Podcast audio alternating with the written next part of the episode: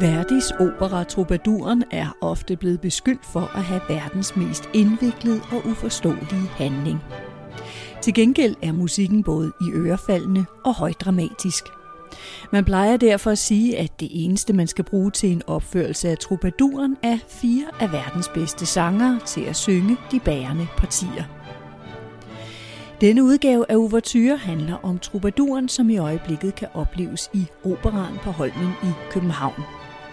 Instruktøren Francisco Negrin fortæller om, hvordan han med denne opsætning har forsøgt at gøre handlingen forståelig, og Randi Stene, der synger Sigøjnerkvinden Azucena, som er en af Verdis mest komplicerede kvindefigurer, fortæller om hendes tilgang til rollen. Derudover får vi både en operachef og to otteårige statister for forestillingen til at give deres bud på handlingen i Troubadouren.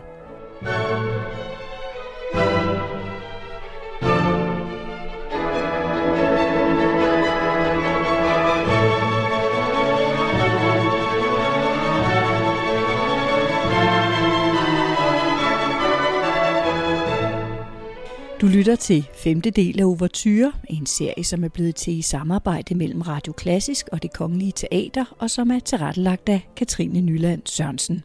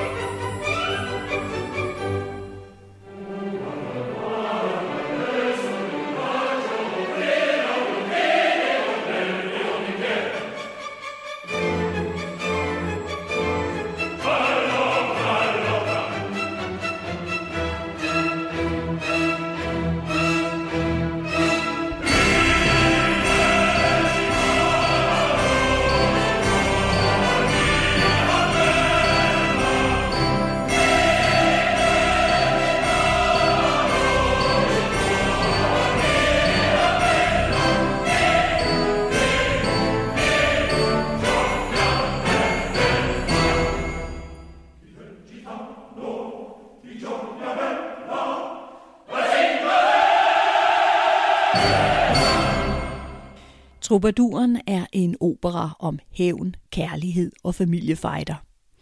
Verdi skrev den i 1853, og den regnes i dag for at være en af hans absolut mest populære operaer. Handlingen foregår i Spanien i det 15. århundrede. De Luna-familien beskylder en cigøjnerkvinde for at have forhekset deres lille søn og brænder hende på bålet som heks. Sigøjnerkvindens datter, Azucena, sværger hævn ved at kidnappe de Luna-familiens yngste søn og kaste ham på bålet. Ved en fejl får hun kastet sin egen søn på bålet, hvorefter hun opdrager det kidnappede barn som sit eget. Han vokser op og bliver troubaduren Manrico, som er leder af en revolutionshær. Hans bror, som nu er Grev de Luna, er leder af den anden her, og begge mænd er forelsket i den samme kvinde, adelskvinden Leonora. Hun er dog kun forelsket i troubaduren. I jalousi dømmer greven Manrico og Azucena til døden. Leonora tilbyder sit eget liv i stedet for Manricos og indtager gift.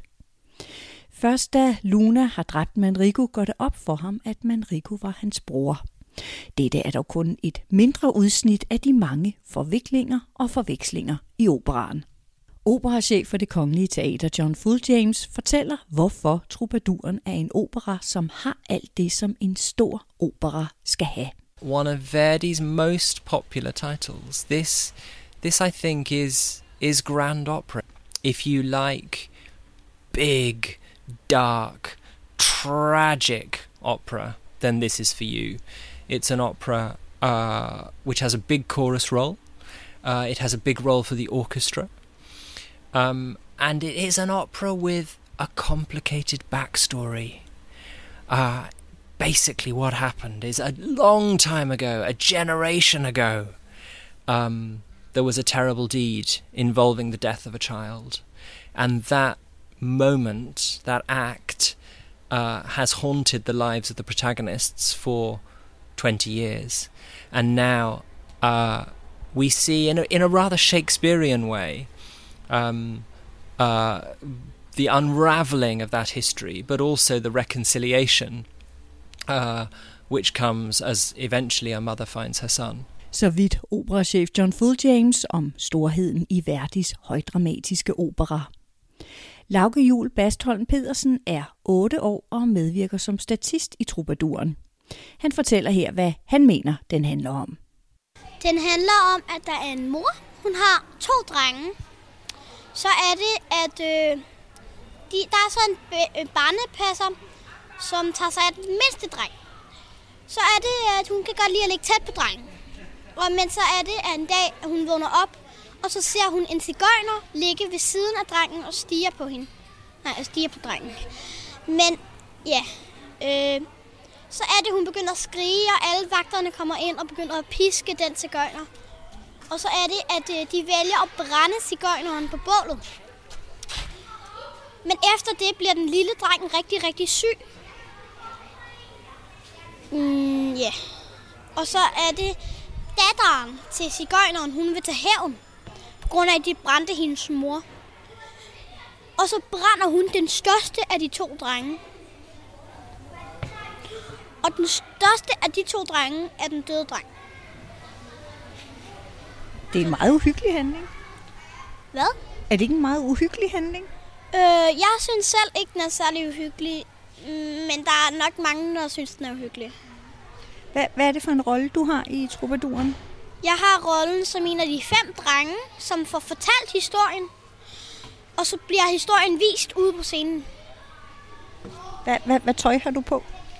Jeg har sådan noget lidt øh, lasertøj på, fordi jeg skal være meget fattig og meget sulten og alt sådan noget. Jeg er syg. Lidt. Hvor, hvor lang tid er du med? Jeg er med i to scener, en lang og en kort. Men nogle gange bukker jeg, og så er jeg også med i slutningen. Det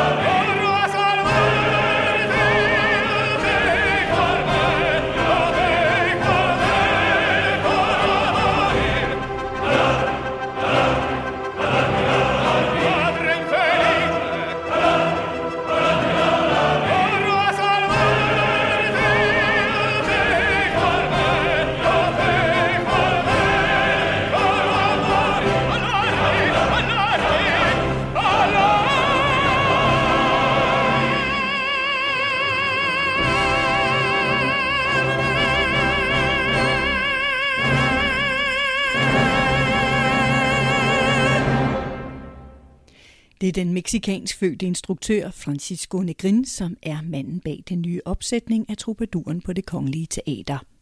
Han fortæller her, hvorfor det er så svært at hitte rede i handlingen. Well, you know, Il Trovatore is one of these operas that is uh, called one of the top five. You know, one of these operas that every top singer has sung, and you always fill the opera house when it's uh, in the program. Um, and it is so, of course, because of the amazing vocality in in the piece and the amazing tunes. Um, so it's an opera that people really think of as a as a singer's opera, and so the the storytelling in it is usually left aside, especially because it's actually a very um, confused libretto, let's say. To put it mildly, yes. it's based on a on, a, on an old Spanish uh, theater melodrama. It's basically an action story, sort of a thriller with romance and you know ghosts and things like that. Um, and when it became an opera, it sort of got a little bit confused, and it became one of these operas where, unfortunately, the action is told by the singers rather than lived by the singers. There's lots of people, you know, telling you what happened before, or things that you're supposed to know before, etc. Troubadouren er en af operaverdens fem største og mest populære operaer. Man kan altid fylde et operahus, når den er på programmet, og det er en opera, som alle de største operastjerner har sunget. Det er en sangernes opera på grund af musikken. Handlingen er derimod temmelig forvirrende, især fordi det er sangerne, som fortæller, hvad der er sket i fortiden, frem for at vi ser en fortløbende handling foregå på scenen. For at fortælle historien så tydeligt som muligt, har Francisco Negrin i denne opsætning benyttet sig af et særligt fortællegreb. Han lader det blive en spøgelsesthriller, hvor hovedfortællingen er cigøjnerkvinden Azucena, som er drevet af at hævne sin mor, der blev brændt på bålet, og sin søn, som hun ved en fejltagelse selv fik dræbt. Så hun bliver hjemsøgt af både sin mor og sin søn, som i denne opsætning er synlige som spøgelser. So my take is really to really tell the story really clearly and to let it be what it is, which is a, a, a sort of a ghost historic thriller, and and let people enjoy it narratively. And so I've, I've made a few little tweaks so that the story is uh, immediately understandable as you watch, and so then the music can really exist within that that storytelling. Um, in particular, when I say it's a ghost story, it's because the real the, the, the main narrative drive is the character Azucena, who's a gypsy woman, whose mother, who was a, a, a gypsy witch, if you like, was um, burnt at the stake by the Luna family, and so she wants revenge for that. And part of her revenge plan was to kidnap one of uh, the the Luna family's children and burn him but she makes a mistake and uh, kills her own son instead. So she now wants revenge for two family members. So the, the fact that she's haunted by her mother and her burnt son um, is essential. And so in this production, we make these two characters visible, the two ghosts. And so it becomes very clearly a ghost story. It's not just something that people talk about, it's something that is visually in the show, and that makes it uh, much more exciting.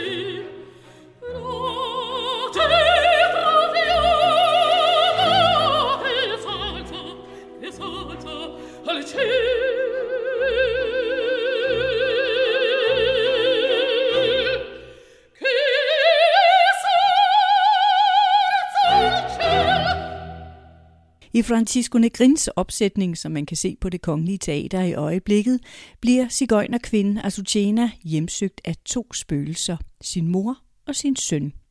Det lille spøgelse bliver spillet af Elton Hanson Korterup, som er 8 år.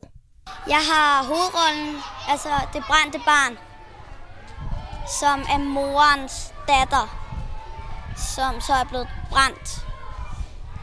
Ja. Hvad, hvad, hvad laver du så som, øh, som det brændte barn? Det er dig, der er spøgelset. Altså, jeg går rundt, og så... Øh, jeg går rundt, og så på et tidspunkt, så vil jeg give hende en læ, og så bliver hun bange, fordi hun tror, at jeg vil dræbe hende. Er det sådan lidt øh, uhyggelig rolle? Øhm, sådan lidt, ja. Hvad er det sjoveste ved at være med i Troubaduren? Øhm, det er nok, når jeg skal falde for en halvanden meters højde. Hvad er det, der sker der, siden du skal falde så langt? Der er to fra koret, som løfter mig op, og så, øhm, og så skubber mormoren mig, og så er der en, der griber mig. Det må I have trænet meget. Ja. Hvordan er du klædt ud som spøgelse?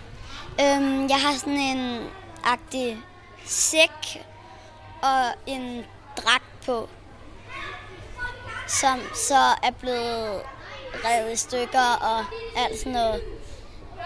Og hvor der er kommet huller i og alt muligt. Og kæmpe store sår og alt muligt.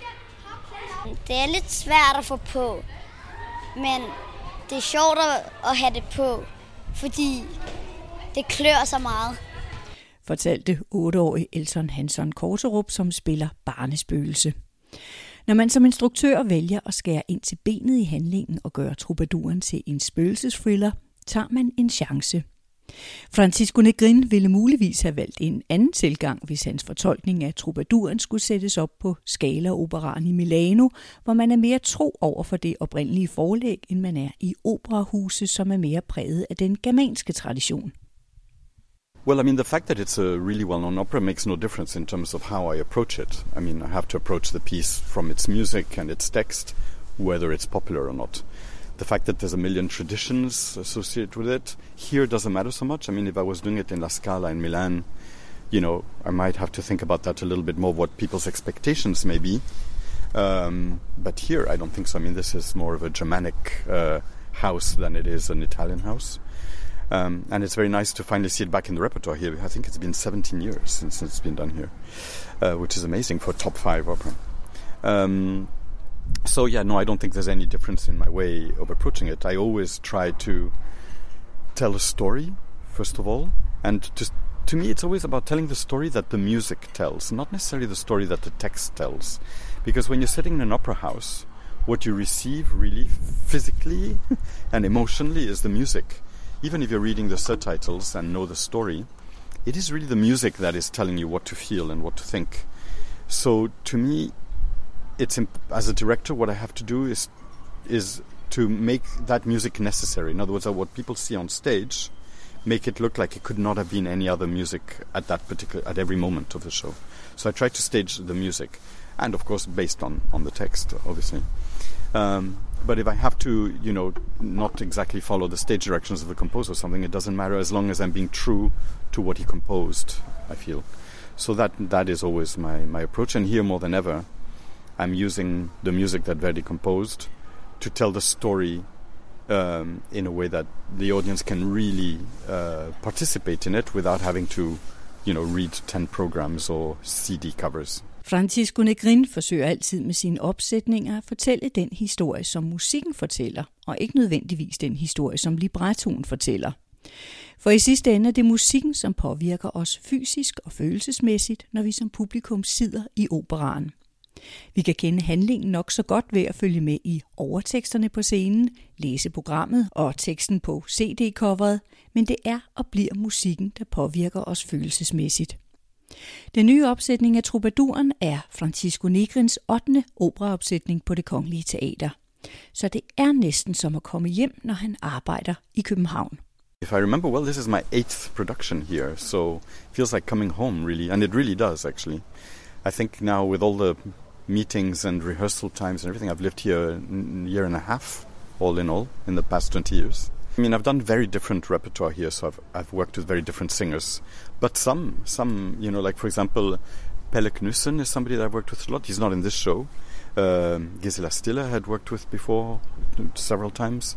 So yes, there, there there is this lovely feeling of being able to build on work that we've done before. There's already also the let's say the uh, con- uh, how do you say the faith one has in, in, in the other person, them in me and me in them. So you don't have to spend you know two weeks building that uh, trust. You you already have it, and you already know what the other person's good at or less good at. So you can already prepare the show with that in mind. So you can always, uh, you know, add a new layer, which is great.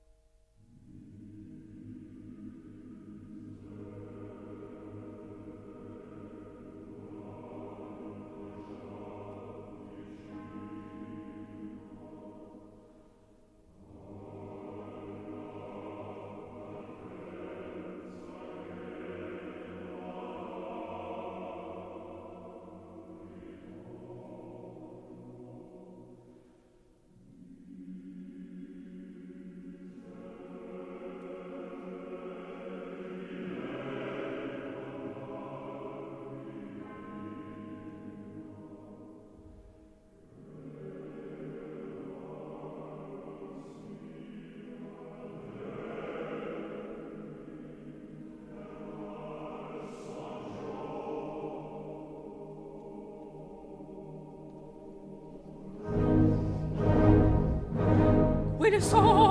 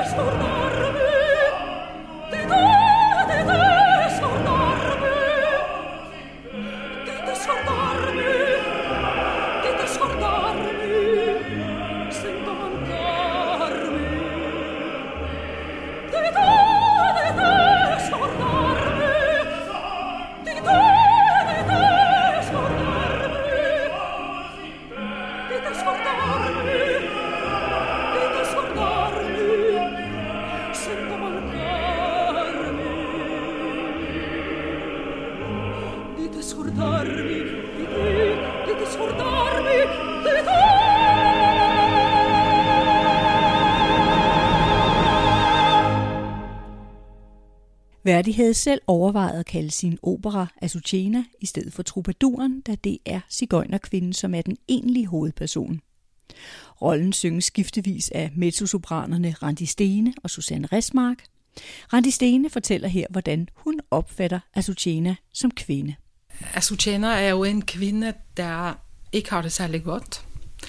Og øh, som det nogle gange, øh, som, som det sker, sker nogle gange, så, så bliver en kvinde, der ikke har det godt, ikke særlig sød. Så hun, øh, hun øh, er en kvinde med mange lag, og øh, grunden til, at hun ikke opfører sig så sødt, det er jo, fordi hun har det rigtig ondt. Hun har øh, set sin mor brænde på bålet, og hun har fået besked på at hævne hende. Og hun kommer til at sende sin egen søn ind i bålet ved en fejltagelse. Så hun, hun har det jo ikke godt. Uh, og det præger jo hele hendes væremåde, kan du sige. Hun går for at være en af de mest komplicerede kvindeskikkelser, som der er i, øh, i Verdis opera. Og som du siger, at hun, hun kan være sådan lidt, lidt, lidt svær at komme ind på livet af. Øhm, hvordan er du kommet ind til, hvem, hvem hun er? Um, ja, det er, det er faktisk ikke helt enkelt, fordi altså, musikken er så dramatisk i det, hun laver. Altså, hun, hun, hun er en, der liksom kaster ud det, hun mener musikalsk. Altså, det er først helt til sidst, at hun bliver en lille smule sådan blød i det, kan du sige. Sådan musikalsk set. Så jeg startede vel egentlig der, kan man sige. Altså min tanke med henne var, at hun, hun, hun var en sej kvinde, en, en tøff, tøff altså kvinde, som vidste, hvad hun, øh, hvad skal jeg sige, øh, øh, udtrykte vrede også. Men så øh, i den her produktion, så har han jo lavet hende lidt Altså, han har jo lavet det der med, at hun, sådan, hun, ser, hun ser ting, som ingen andre ser. For eksempel, hun ser spøgelser. Hendes egen lille søn, der blev dræbt. Han, han kommer jo ind og præger hele forestillingen. Han kommer ind og forstyrrer hendes tankegang hele tiden.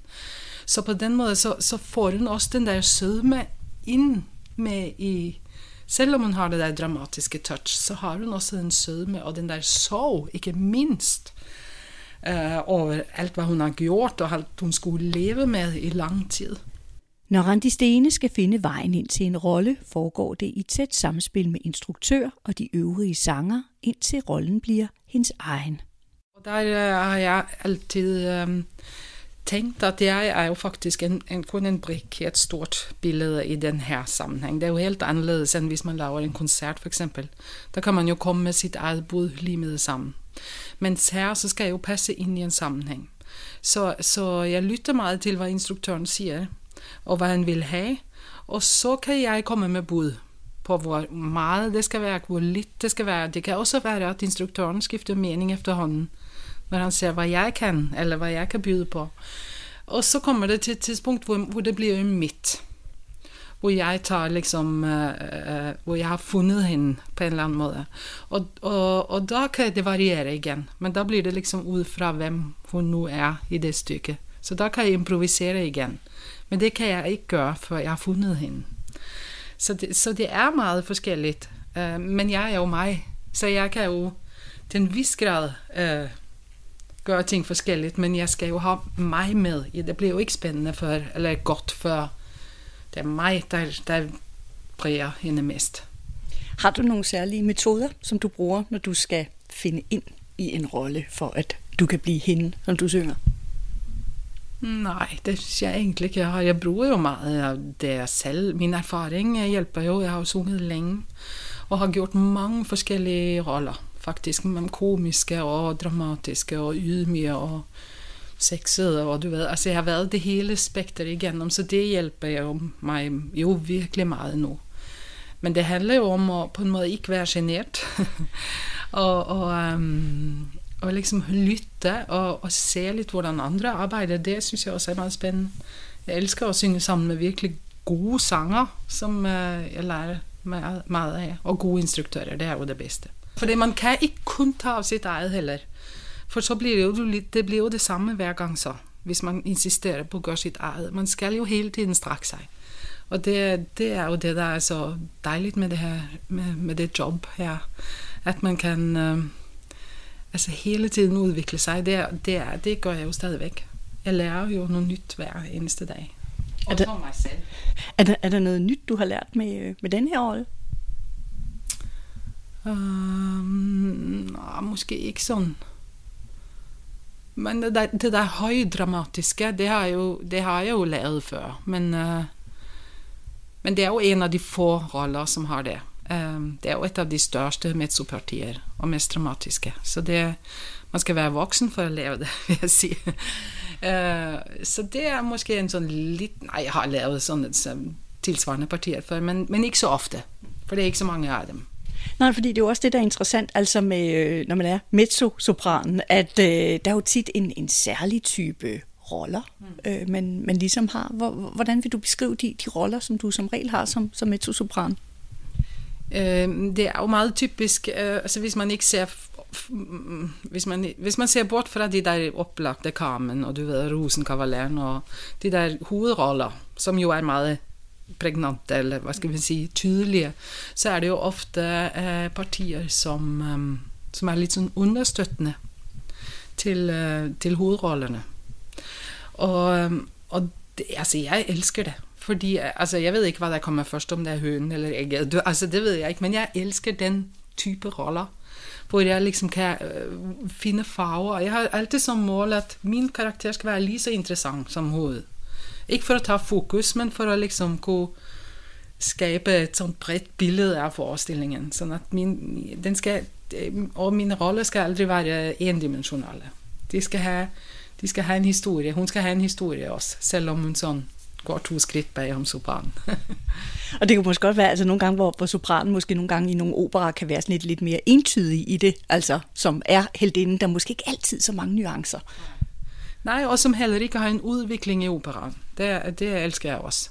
At det sker noget med mennesket fra start til slut. Det gør det jo også med Azucena. Hun, øh, hun starter jo med at fortælle det der forfærdelige, der er sket, og så bliver hun selv så får hun det jo, som hun vil, som på en eller anden måde. Det gør hun jo så alligevel ikke. Men altså, hun, hun får jo sin hævn til sidst. Selvom det ikke var sådan, som hun havde tænkt det. Nej.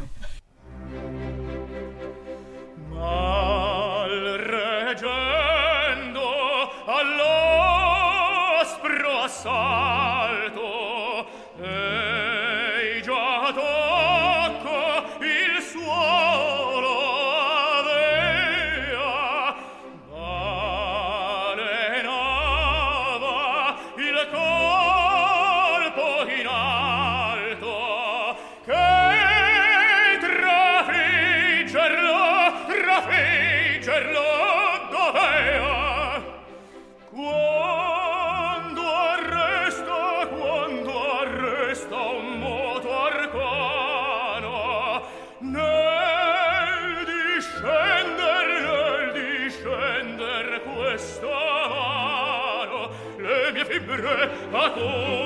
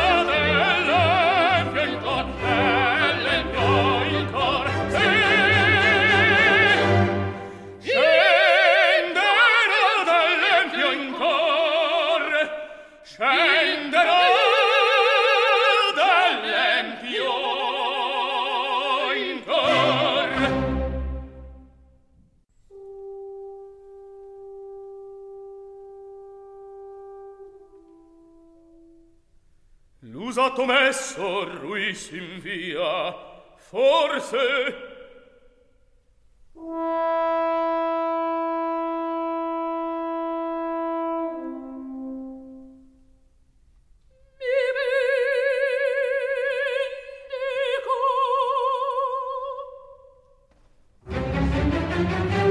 Inoltre al pie, guerresco evento, dimmi seguio, risponda il foglio che reco a te. In nostra posse castellor ne dai tu per cenno del prence vigilar le difese. Ove ti è dato affrettati a venir giunta la sera tratta in inganno di tua morte al grido nel vicin chiostro della croce il velo cingerà Leonora. Oh giusta scena che scendi la balsa ed un cavallo a me propedi corro. Enrico dite voi calza vola l'aspetto del colle ai piedi. E voi perdere la ammazza perder quell'angio. E voi lo sai addio. Oh, però oh, lascia. Però so io che parlo te.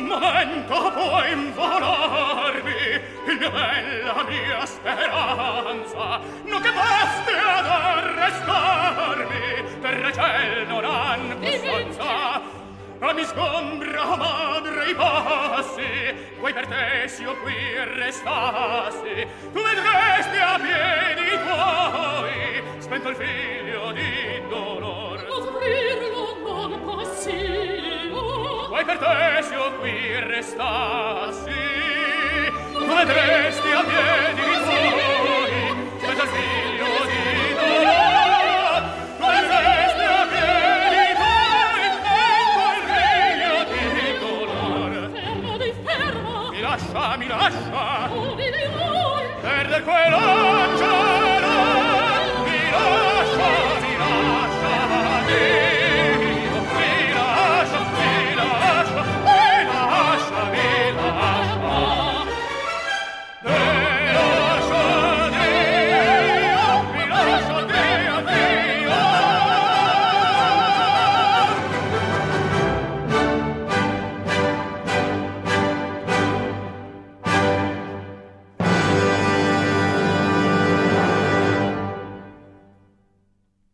Som operasanger skal både kroppen og stemmen være i god fysisk form.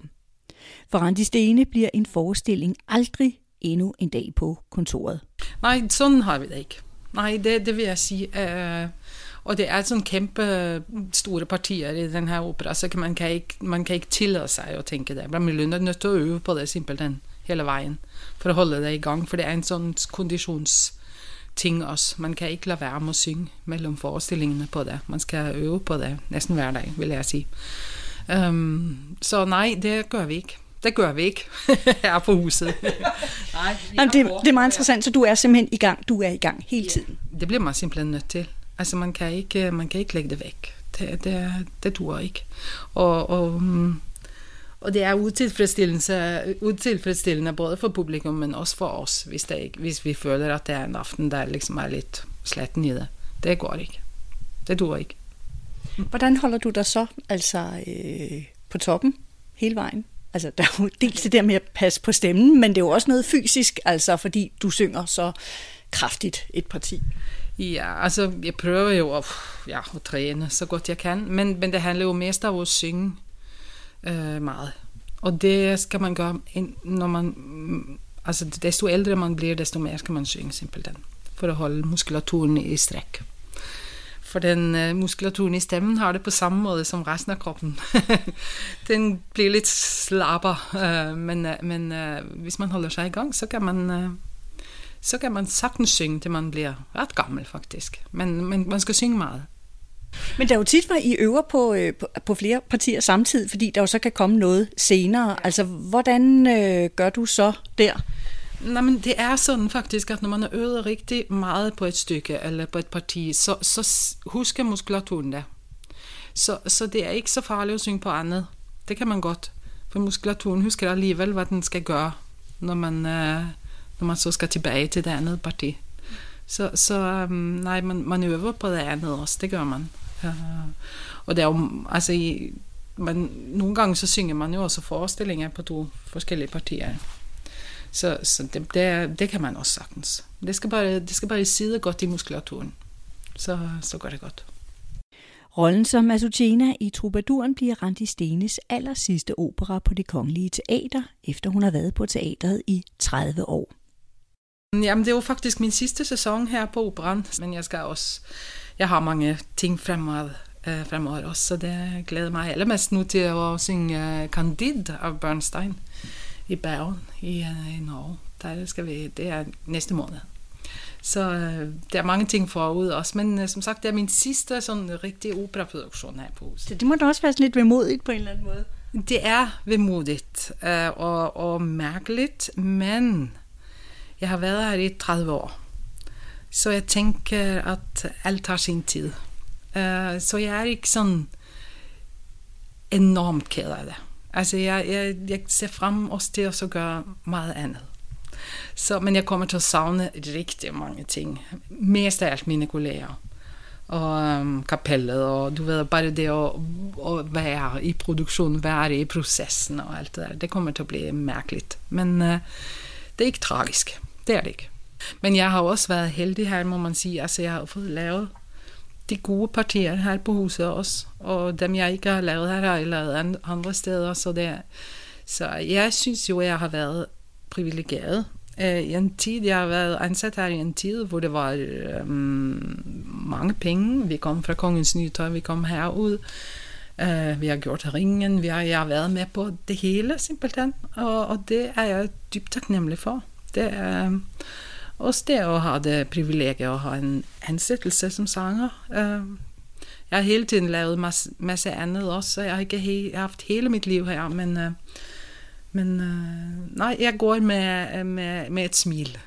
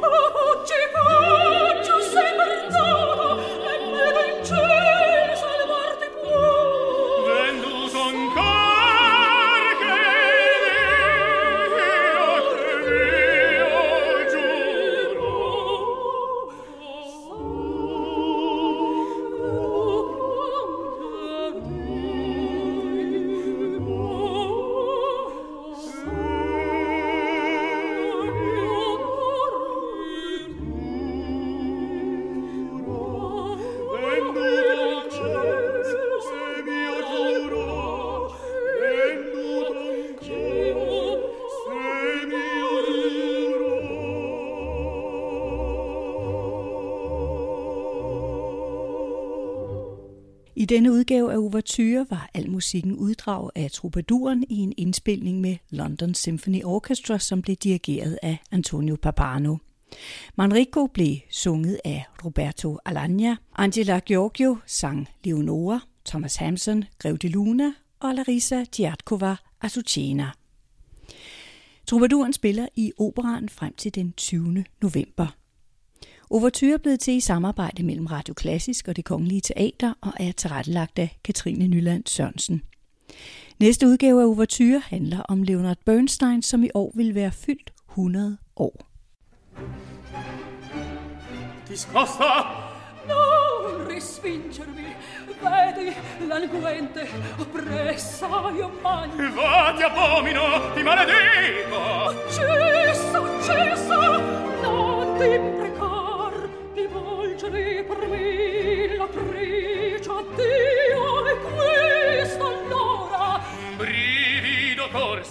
nel petto mio. Ma donna svelami narra. Oh l'amor la morte. oh piranha la forza del veleno che folge senti la mano il cielo ma qui qui vaga terribile